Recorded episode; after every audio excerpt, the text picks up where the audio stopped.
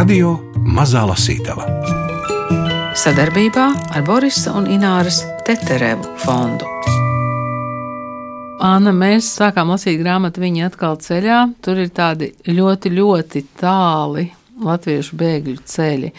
Bet um, šodien jūs um, mums varat ieviest arī to skaidrību, um, kā sākās tie bēgļu ceļi no Latvijas un kā tad uh, bēgļi nonāk tur, kur nonāk. Tur ir Amerika, tur ir Brazīlija un ļoti daudz tāls zemes. Austrālija un Kanāda jā, un Anglija. Un Anglija. Mm. Nu tad, uh, Anna, kā jūs sākāt to rakstīt par bēgļu ceļiem, par latviešu bēgļu ceļiem? Par to rakstīt es sāku jaunās tūkstoša gadas sākumā, un tāpēc, ka 1998. gadā mēs ar dzīvnieci Astrīdi Ivasku bijām Amerikā, viesojāmies pie latviešiem. Astrīda Ivaska ir no Amerikas, viņa ir viena no mūsu bēgļiem.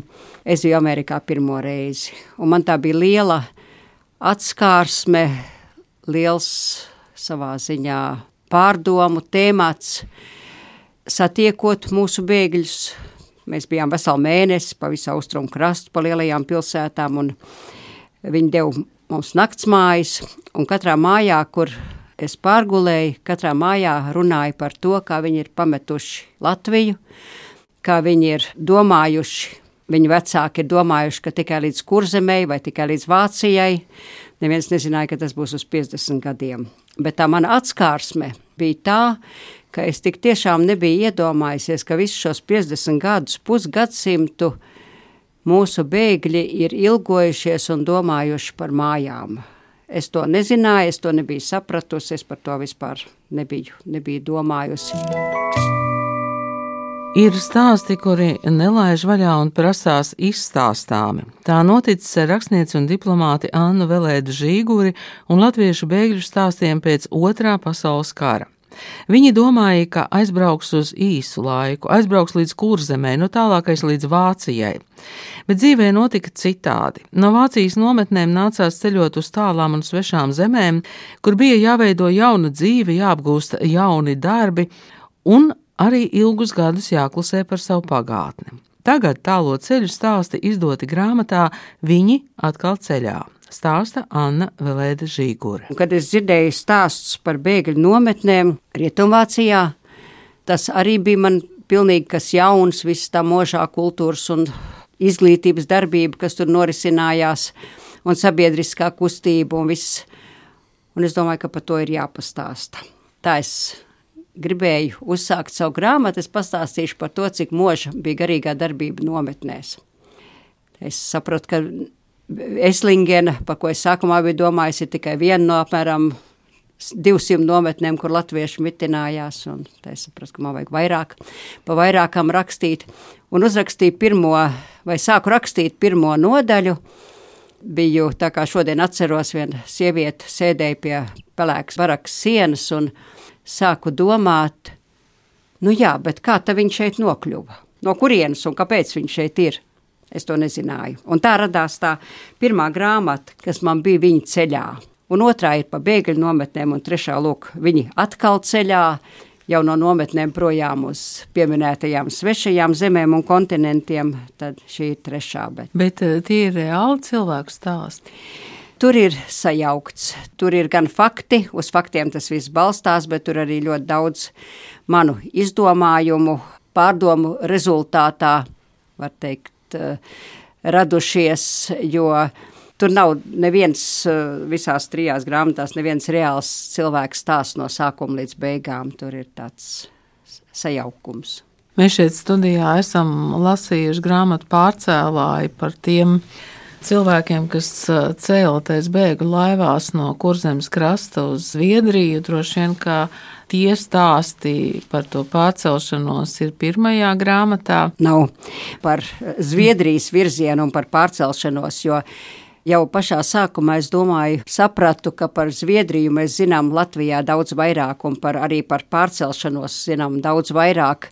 Kaut arī ne tik konkrēti kā tie pārcelšanās stāsti tagad, kas iznāca, bet tomēr bet par to ceļu uz Vāciju toreiz, ka es, tā ka Dievs, tas jau ir tik ļoti, ļoti sen, toreiz zināms bija ļoti maz. Un tāpēc man ir tikai un vienīgi par to virzienu no Latvijas cauri kurzemēji eh, vai atkal no Rīgas ar kuģiem Vācijas vir, rietumu virzienā un tālāk. Man nav uh, Zviedrijas virziena. Jā, tā tad uh, ar kuģiem uz Vāciju. Tā. Vai pa sausiem, kamēr vēl varēja, jā.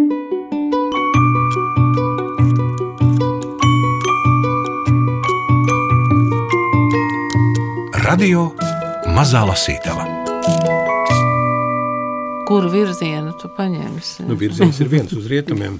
jā. Nu, jā, protams. Jautājums protams, ir, pie kura ceļa staba. Gunārs Zāboliņš lasa fragmentus no trim tālajiem stāstiem. Viņi atkal ceļā.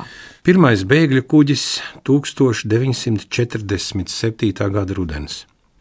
Tas bija kā lēciens no gaujas stāvā krasta tieši ūdenī, un nevarēja droši zināt, vai tur lejā negaida atvars. Apmēram tā jutās Marga, kad abi ar Teodoru vēra Austrālijas konsulāta durvis, lai pieteiktos emigrēt uz tālo un nezināmo zemi.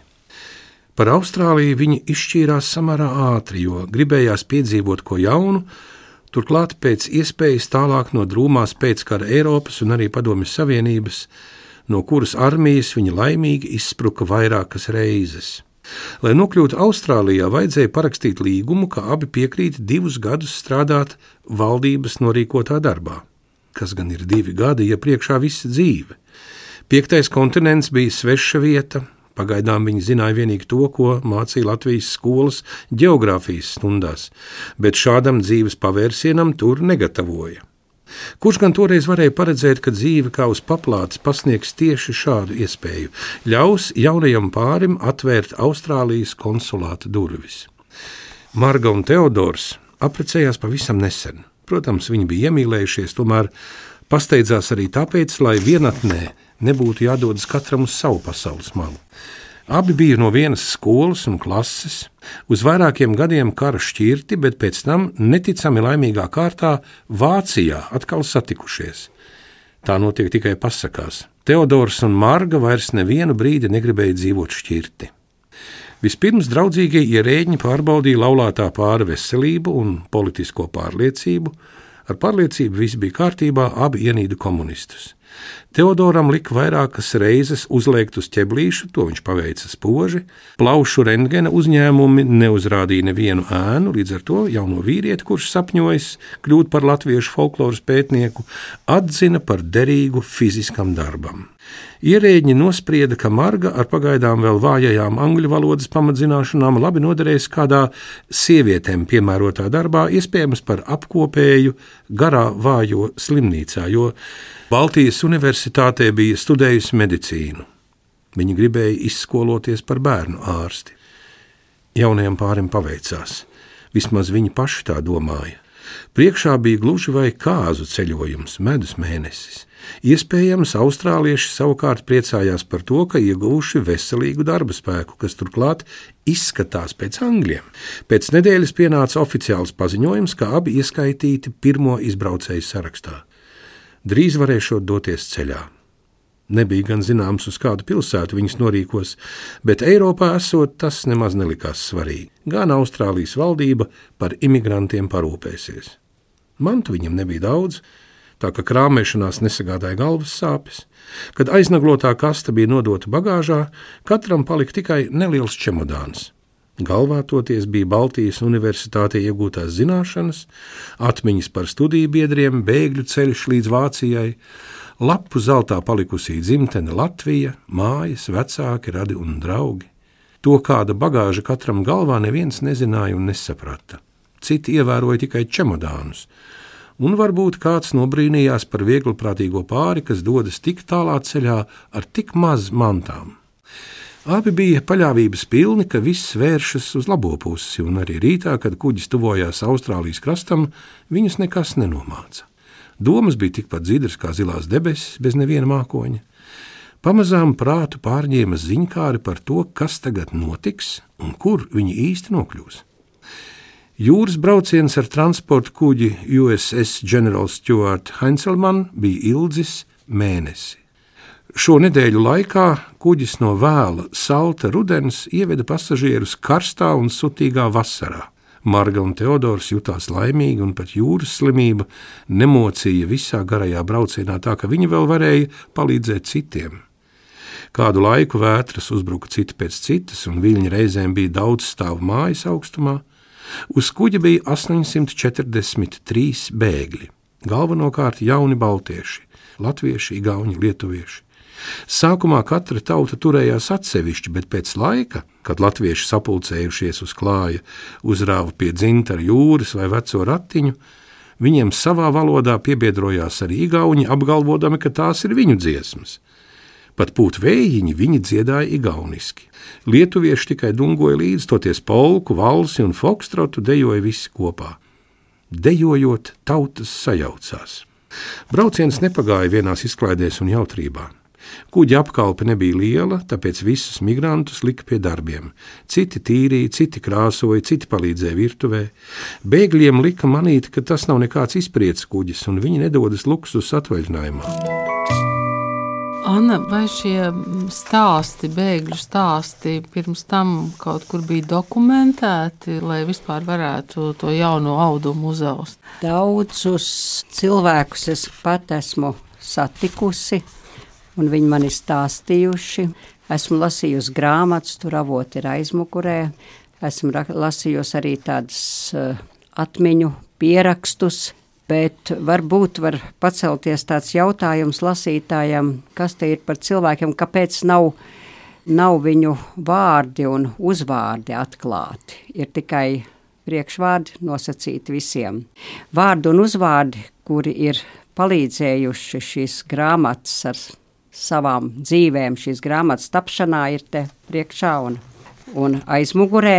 Bet uh, tas sākās jau pirmajā grāmatā, kad es runājos ar cilvēkiem, un toreiz, tagad varbūt ir savādāk, bet toreiz man bija vairāki tādi cilvēki, kur lūdza, lai neatklāja viņu vārdus.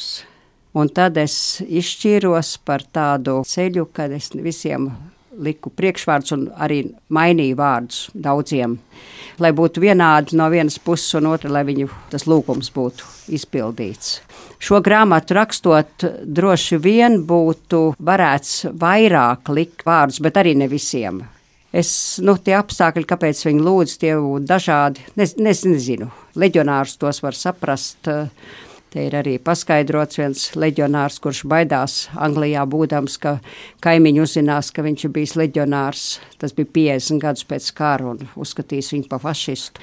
Bet tā tas ir, un to es, tam es sekoju tam lūgumam. Bet eh, cilvēki vispār labprāt stāstīšus? Ļoti labprāt. Ja? Ļoti labprāt. Tur jau varētu uzrakstīt, es nezinu, cik grāmatu un, un, un sējumu sējumus. Ļoti labprāt. Jo visiem tas bija, mēs 50 gadus par šīm lietām, par viņu ceļu neko faktiski nezinājām. Un viņi 50 gadus arī bija uh, turējuši sevi un savā vidē tikpat to pārunājuši, bet uh, nebija nekur plašāk arī varējuši. Nebija saviem radiniekiem varējuši stāstīt. Uh, nebija uz dzimteni varējuši raidīt neko. Tas nebija iespējams. Bet, nu, nu, labi, cilvēki nonāca līdz Vācijas bēgļu nometnēm, un tad kaut kādā brīdī viņi nolēma ceļot tālāk. Tas nebija tā, ka viņi nolēma ceļot tālāk. Tas pienāca brīdis, kad vajadzēja ceļot tālāk, kad apvienoto nāciju organizācijas, tāds vienība, tāda organizācija, apakšorganizācija IRO bija nolēmusi, ka Pirmkārt, ka Vācija ir pārāk pārslogota, Vācijā ir pārāk daudz bēgļu, kopā bija 6 miljoni bēgļu. Vācijā no Austrum Eiropas un no pašas Austrum Vācijas arī. Un otrkārt, ka Baltijas bēgļiem, piemēram, ka nav labi palikt savu bijušo kādreizējo ienaidnieku zemē, ka vajadzētu, un Vācija nespēja tos bēgļus uzturēt, jo Vācija, Vācijā nevajadzēja tik daudz. Vācijā bija savējie, Vācijā bija gan darba spēks, gan savi cilvēki un savi bēgļi. Vācijā nebija, Vācijā palika tikai slimi un veci cilvēki, par kuriem neviens eh, neinteresējās ne no Kanādas, ne no Amerikas, ne no valdības, ne Austrālijas, ne Anglijas, jo visi gribēja tikai spēku, pilnu darbu spēku un tad, nu, mazliet vēlāk pavēra durvis Amerika, tad tika veselām ģimenēm ar maziem bērniem uzreiz uh, kad viņiem tur bija savādāks sistēma. Tās sistēmas bija dažādas, piemēram, Austrālijā valdība bija tā, kas pieņēma cilvēkus un, un izšķīra, kur brauks, kur nē. Amerikā bija tāda, un valdība deva darbu tos divus gadus, pa ko te minēts, bet Amerikā tur bija tāda sponsoru, kā sauc, bet galvotāju sistēmu. Tur vajadzēja atrast kādu galvotāju, kas uzņēmās par to bēgļu ģimeni atbildību uzturēt, un, un, un viņi arī bija interesēti, protams, tikai darba spēkā. Gāja, gāja visā. Tas bija grūt, grūts laiks, un viņi jau nevarēja izdomāt, ka es tagad gribu braukt uz, teiksim, uz Austrāliju, vai es gribu braukt uz Ameriku, vai es gribu braukt uz Kanādu. Tas tomēr bija ar tādu savā ziņā laimes spēle un likteņa lemts solis. Jā, nu tad nu, vēl ir vēl viena sapņu zeme. Sapņu zeme Brazīlija 1949. gada rudens. Kara beigās nonākusi Vācijā, Antonija tūlīt pat lika lietā savus ieročus, jaunību, blondos cirtainos matus, ko viņa mācīja turēt tīrus un spožus pat tādos apstākļos, kad citiem nebija ne ziepju gabaliņa, vīgu augumu, šmaugo vidukli un žilbinošo smaidu. Tieši smaids izrādījās visnozīmīgākais, jo lielākā daļa latviešu bēgļu ikdienā izskatījās nomākti un bezcerīgi. Lai gan tajās reizēs, kad vajadzēja sevi parādīt kā kultūras tautu, jā, tieši tā viņa teica, uzvilka tautas tērpa un atrieza zobus. Jāsmējas.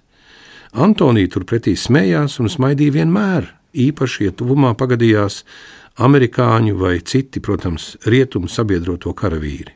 No krieviem viņi baidījās. Vislabāk būtu, ja pagadītos jeņķu virsnieks, vienalga jūras, gaisa vai kājnieku, tad varētu ne tikai sapņot, bet jau reāli būvēt nākotni. Viņai bija jutīga sirds, kura ikvienā piemērotā brīdī varēja uzliesmot viskvēlākās mīlestības guns. Antonijai paveicās jau pašā sākumā, kad viņu pieņēma par viesmīli amerikāņu armijas virsnieku kantīnē. Tas gan ievērojami ierobežoja iespējas tikt uzlūgtai uz deju, bet neviens neliedz uzsmaidīt un pateikt priecīgu vārdu brašo vīru grupai, kas ik vakaru sēdēja ap lielo galdu. Sastāvs gan mainījās, bet visi vienmēr bija labā garstāvoklī. Tāda bija arī Antonija, apzinoties, ka šeit nevienam nepatīk saīgušas sejas. Atšķirībā no pārējiem bēgļiem, viņa neskuma pēc tuviniekiem un neilgojās pēc zaudētās dzimtenes, tāpēc vārdu bēgle izrunāja koķetējot, likdama saprast, ka sevi jau nu par tādu neuzskata. Viņa nebūtu negribēja kaut kur atgriezties, drīzāk tieši otrādi. Antonija priecājās, ka nu reiz pavārusies iespēja sevi īstenot un tikt uz zaļāka zara. Varbūt viņas liktenis izšķirsies tieši te, piesmēķētajā kantīnē, briesmīgajā troksnī, kur labi varēja sadzirdēt, ko apmeklētāji pasūtīja. Ik pa laikam atskanēja ar vien skaļāku saucieni: Antoni, one beer, please! Tad viņa žīgle paskatījās uz saucēju pusi, pasmaidīja un pamāja ar galvu, kas sapratusi, un piesteidzās pie letes, kur bārmenis jau gaidīja pasūtījumu. Viss ritēja kā pa diedziņu. Vissaldākie bija brīži, kad vakara soliste aizgāja atpūtināt balsi, un vai visa zāle sāka lūgties Antoni One Song, Antoni Sing. Antonija nelika ilgi lūgties. Viņa prata plašo karalaika repertuāru no A līdz Z, un parasti nodziedāja tikai vienu dziesmu, Lilija Marlēna, kas visiem patika. Vairāk dziedāt atturēja sievietes gudrību, jo viņa negribēja atņemt maizi kantīnas dziedātājai, lai tā nekļūtu neganta un skaudīga. Tas nebija vajadzīgs un nesaskanēja ar Antonijas plāniem. Viņa gribēja pa labam, pēc iespējas ar visiem tieši tāpat kā visu līdzšinējo mūžu. Viens no virsniekiem, kurš viņai iepatikās, Džons, izrādījās precējies, un tūlīt pat atvēra portmonē, lai parādītu sievas un meitas fotogrāfijas. Tas nederēja. Skaistā Antonija nebija vienas nedēļas izpriece un tik tiešām pēc nedēļas Džonu nosūtīja uz citu vietu, un viņai atliktu tikai sūkāt pirkstus. Cits, Ronijs, kurš tik labi negāja pie sirds, bet kuram viņa laikam dikti patika, ātri vien tika aizsūtīts uz Potsdamu. Virsnieku sejas mainījās, bet neviens īsti nepasēja, vai nu par īsu, vai tendēts uz pārlieku nopietnām sarunām. Bet tad beidzot parādījās īsts sapņu princis, kurš atbilda visam, par ko Antonija domāja garš tumšmatis, Viņa būs labs kontrasts, baltiem zobiem, jautrs un uniforma viņam piestāvēja tik labi, kā nevienam citam, gluži kā uzlieta. Nu īsts Clarks Gēbls. Šo aktieri viņa dievināja un krāja viņa bildītes ne tikai Rīgā redzētās filmas Vējiem līdz dēļ, arī Viviena Lī bija burvīga un Antonija jo bieži iedomājās sevi kā skārletu kādā mūžā Amerikas dienvidos. Viņai, kura dzīvē jau tik daudz bija pieredzējusi, pietiktu drosmes tikt galā ar visām problēmām un vēl cīnīties par savu mīlestību. Vienīgi matu krāsa neatbild īstenībai. Kādu vakaru Pīters, viņa jau bija izdibinājusi staltā virsnieku vārdu, cieši skatījās uz Antoniju, bet tuvāk nenāca. Antonijai bija laiks. Varbūt skaistais vīrietis kādu mēnesi uzturēsies tepat. Bija arī tādi virsnieki, kuri te dzīvoja pat mēnešiem ilgi. Viņi izmantoja klasiskos valgu paņēmienus. Sākumā izlikās, ka nemaz neredz jaunā vīrieša dedzīgo skatu, pēc tam kautri uzsmaidīja. Kad Pītera galda biedrs pamāja atnes vēl dzeramo, viņš pats joprojām nerunāja. Nu, varbūt tiešām kautrīgs, nodomāja Antonija. Nākamajā dienā viņa pat bija plānojusi spērt pirmo soli. Bet nākamajā rītā Antonija saslima un zināja, ka pat viegli slimus kantīnē neielaiž. Visi baidījās no slimībām, it īpaši no lipīgajām, difterijas un vai nedod dievs tuberkulozes, kas izplatījās bēgļu vidū. Antonija palika mājās. Galva un kakls nežēlīgi sāpēja, un viņa viena brīdi pat nobijās, vai tik tas nav meningīts, bet varbūt pat šarlaks kur gan viņa ko tādu būtu varējis saķert, un vai meningīts vispār ir lipīgs. Tā gulēdama un nespēdama piecelties, Antonija domāja par nākotni, kas draudējis sabrukt. Nē, viņa izķepurosies, un ne tikai. Tikko būs iespējams, viņa iestāsies medmāsu kursos, māsiņas, ārstu labākās palīdzes, vienmēr ir un būs vajadzīgas. Viņa iemācīsies visu, ko prasa šī profesija, kļūs vajadzīga un neaizstājama. Viņa aizbrauca uz Brazīliju. Ja? Tad viņa aizbrauca uz Brazīliju, bet šim stāstam ir tāds fons, ka es Antoniju nekad neesmu sastikusi. Un, ja arī varbūt kādreiz es esmu kaut ko līdzīgu satikusi, es nekad šādu no viņas mutes vai no viņām līdzīgo mutes neesmu nekad šādu stāstu dzirdējusi. Bet Antonijai bija puisīts, bija dēliņš kas bija palicis Rīgā, kurš tad, kad viņi brauca projām, bija trīs gadus vecs. Un viņš palika ar vecmāmiņu. Viņa aizbrauca tepat Valdemāra ielas galā, stāvēja liels kuģis. Es pazinu to puisīti, tad, kad viņam bija, un tagad vi, arī viņš ir miris. Tad, kad viņam bija apmēram 50, 60, 70 gadu, es viņu ilgi pazinu, viņš jūrmalā strādāja, un kādā reizē jau stipri vēlu viņš stāstīja par savu māti, kas ir aizbraukusi. Viņš ir gaidījis 46 gadus, gaidījis un domājis, ka viņa atrakstīs viņam, un beigās viņa atrakstīja. Un beigās viņi pat aicināja viņu ciemā, tas bija 80. gadu beigās, bet uh, nekas tur neiznāca. Viņi sūtīja tādas skaistas, tur arī stāstīts par to šī nodeļā, tādas skaistas fotogrāfijas, ko viņi ir tur kalnos slēpo un sniegos un pie mašīnām un pie skatām. Un viņš dzīvoja ļoti nabadzīgi un bija tāds kluss un pieticīgs cilvēks. Jā, tā kā tie stāsti ir ļoti dažādos ceļos atnākuši. Jā, Kanādas zelta raktuvēs 1949. gada ziema. Pārvarējis vairākas vētras, 27. novembra vakarā Neā Hellas beidzot piestāja Helefeksas ostā. Grieķu pasažieru kuģis, kura uzdevums pirms kara bija vest cilvēkus, galvenokārt grieķus, pretīm labākajai nākotnē Amerikā, Tagad uz Kanādu veda ne tikai parastos ceļotājus, galvenokārt amerikāņus, bet arī bēgļus no Vācijas nometnēm. Starp tiem bija 15 latvieši. Un neviens no viņiem nezināja, vai svešajā krastā sagaida labāka dzīve. Jaunie vīrieši nealka dzīvot citur kā dzimtenē, tomēr okupētajā Latvijā negribēja atgriezties. Trīs rudens mēneši Andrejam bija pagājuši gaidot, jo veselības pārbaudi viņš izgāja jau vasarā un darbā Kanādas zelta raktuvēs pieteicās septembrī. Raktuvi īpašnieki pieprasīja strādniekus, un tā pavērās laba iespēja tikt prom no Vācijas. Vērtīgākais starp nedaudzajām mantām, ko viņš pārveda uz svešo krastu, bija Kodak retīna fotoaparāts. Šo kameru jauneklis ieguva melnajā tirgū pārdodot savu VF Minox, jo tam nevarēja nopirkt piemērotu filmiņu. Bēgļu ceļā un Vācijas nometnēs izfotografētā bija līdzi neattīstīta. Visdārgākais tomēr bija paslēpts nevis ceļa somā, bet galvā. Tur sablīvējās viss, sākot ar bērnību, kas tagad likās kā pasaka, un reizēm pat māca šaubas, vai tas tomēr nav tikai šķitums, sapnis.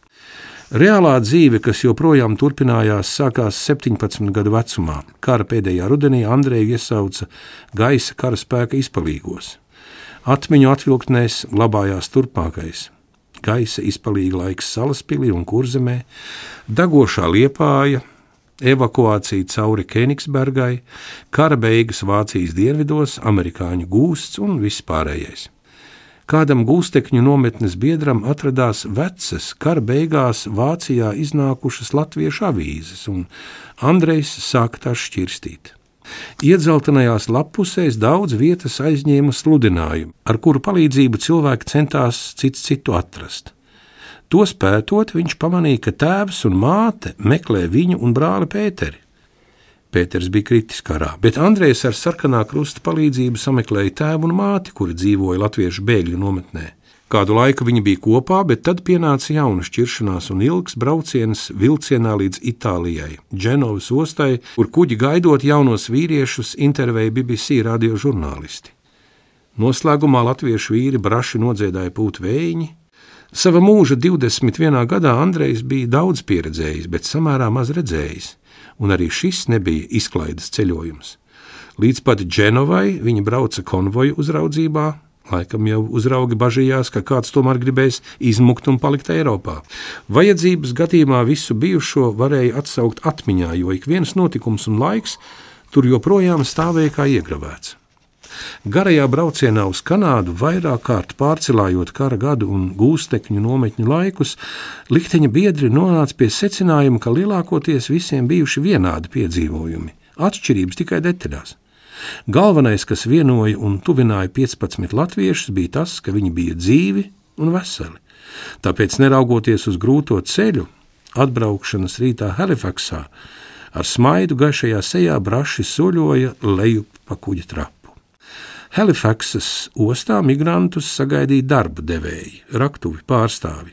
Neviens nepaskaidroja, kur darba vieta atrodas, bet latvieši pieteicās uz Mackenzie Red Lake Gold Mines, uz zelta raktuvēm. Turpat ostā dāmas no Kanādas sarkanā krusta piedāvāja vietējos žurnālus un uzkožamos. Dodoties uz staciju, pirmos soļus pa Kanādas zemi viņi spēra iezīmēti. Visiem kaklā bija uzkārta tāfelīte ar raktuvju nosaukumu, bet kabatā glabājās iebraucot izsniegtā imigrantu kartīte, kas apliecināja, ka viņi šajā valstī ieradušies likumīgi. Jaunie vīrieši bija jau novietojušies norādītajā vagonā, kad durvīs negaidot parādījās Latvijas operas solists Maris Vētra ar kolēģi Teodoru Briltu. Andrejam šis skats uzreiz atsauca atmiņā dzimtās mājas dagumniekos, un brīdi, kad Latvijas radio atskaņoja Marijas vētras dziedātās ārijas, bet daži puiši bija dzirdējuši viņu uzstājamies koncertos arī bēgļu nometnēs. Šoreiz slavenības nesniedza koncertu, bet uzmundrināja atbraucējus. Jaunekļiem nevajagot bēdāt, viņiem esot buļļons kaulos, turpretim sievietēm, kuras ierodas, lai strādātu par mājkalpotājām, gan būšot smagi. Abi dziedātāji esot iebraukuši jau agrāk un Halifaksā sagaidot vai katru kuģi, uz kura esot latviešu ieceļotāji. Kad vilciens sāka kustēties, ārā bija satumsis.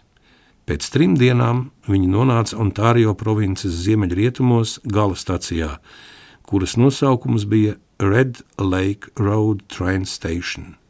Andrejs pie sevis atkal pateicās Madonas vidusskolai, kurā viņš bija mazliet pamācījies angļu valodu. Daudzi ceļa biedri neprata izlasīt stacijas nosaukumu un nesaprata, ko tas nozīmē. No stacijas laukuma atgāja autobuss, kas aizveda vēl par 130 km tālāk. Galapunktā izrādījās, ka raktuvas ir vairākas, un atšķirībā no pārējiem atbraucējiem, latviešiem vēl jāgaida ledlauzis, kuģītis, kas viņus nogādās uz Makenzija raktuvēm. Tās atradās uz salas, līdz kurai pa līkumotu ezeru bija jābrauc daži kilometri. Decembra pirmajā dienā ūdens sēdza plāna ledus kārtiņa, laiks bija augsts, un tie puiši, kuri Itālijā pamanījās samainīt silto apģērbu pret vīna pudeli, tagad to nožēloja no visas sirds.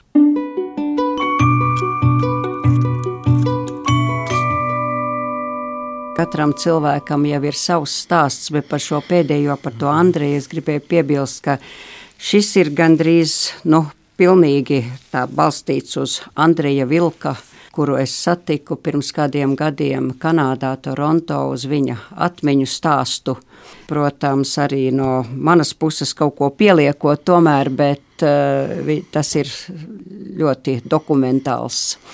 Par to var stāstīt vēl un vēl, un tagad ir daudz lielākas iespējas nekā tad, kad es iesāku rakstīt par mūsu bēgļiem, jo toreiz vēl nebija digitalizēts tik daudz, toreiz vēl nebija tādas brīnišķīgas interneta iespējas un atradumu iespējas, un viss lielā mērā balstās uz seno laiku pieeju. Jūs pati tagad to punktu tomēr esat likusi šiem ceļa stāstiem? Jā, jā, esmu likusi gan.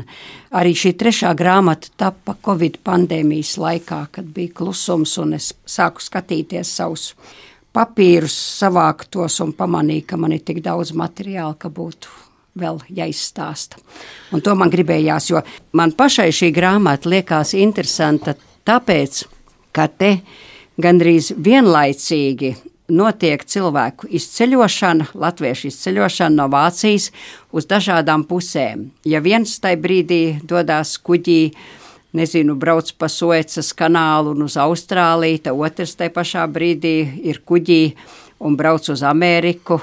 Tad vēl kāda brauc uz, nu jā, uz Brazīliju. Brazīliju un cits atkal uz Venecuēlu. Latvieši tā izkaisījās, izkaisījās pasaulē, un kā ļoti skaisti ir teicis Walters Nolendors par šo grāmatu, viņš ir teicis, ka šajā grāmatā ir stāstīts par to, kā radās globālā latvietība. Jo tiklīdz cilvēki nonāca dažādās vietās, un atkal pēc nometnēm tika izjauktas visas attiecības un arī radnieciskās, draugu un biedriskuma, cilvēki sāk sarakstīties un savā ziņā apvienojās. Un vēl ilgi pirms interneta tas garīgais kopums un tā garīgā vienība saglabājās. Vienalga, cik tālu cilvēks no Austrālijas sūtīja vēstules uz Ameriku, no Kanādas sūtīja vēstules uz Angliju, un otrādi, un, un uz Zviedriju ar, protams. Un, ja nu kādreiz kādam mazbērnam pienāk brīdis, kad gribas uzzināt ko vairāk par vecmāmiņu vai vectētiņu, uzzināt, kas tās par fotografijām ar nepazīstamiem cilvēkiem, un no kurienes vecmāmiņai tika neparasts vārds, tad te būs Annas Velēdas Žīguras grāmata Viņi atkal ceļā, izdevuši Latvijas mēdīji. Raidījumu veidoja Agita Bērziņa, Nora Mītspapa, Gundars Āboliņš un Ingvilda Strautmane.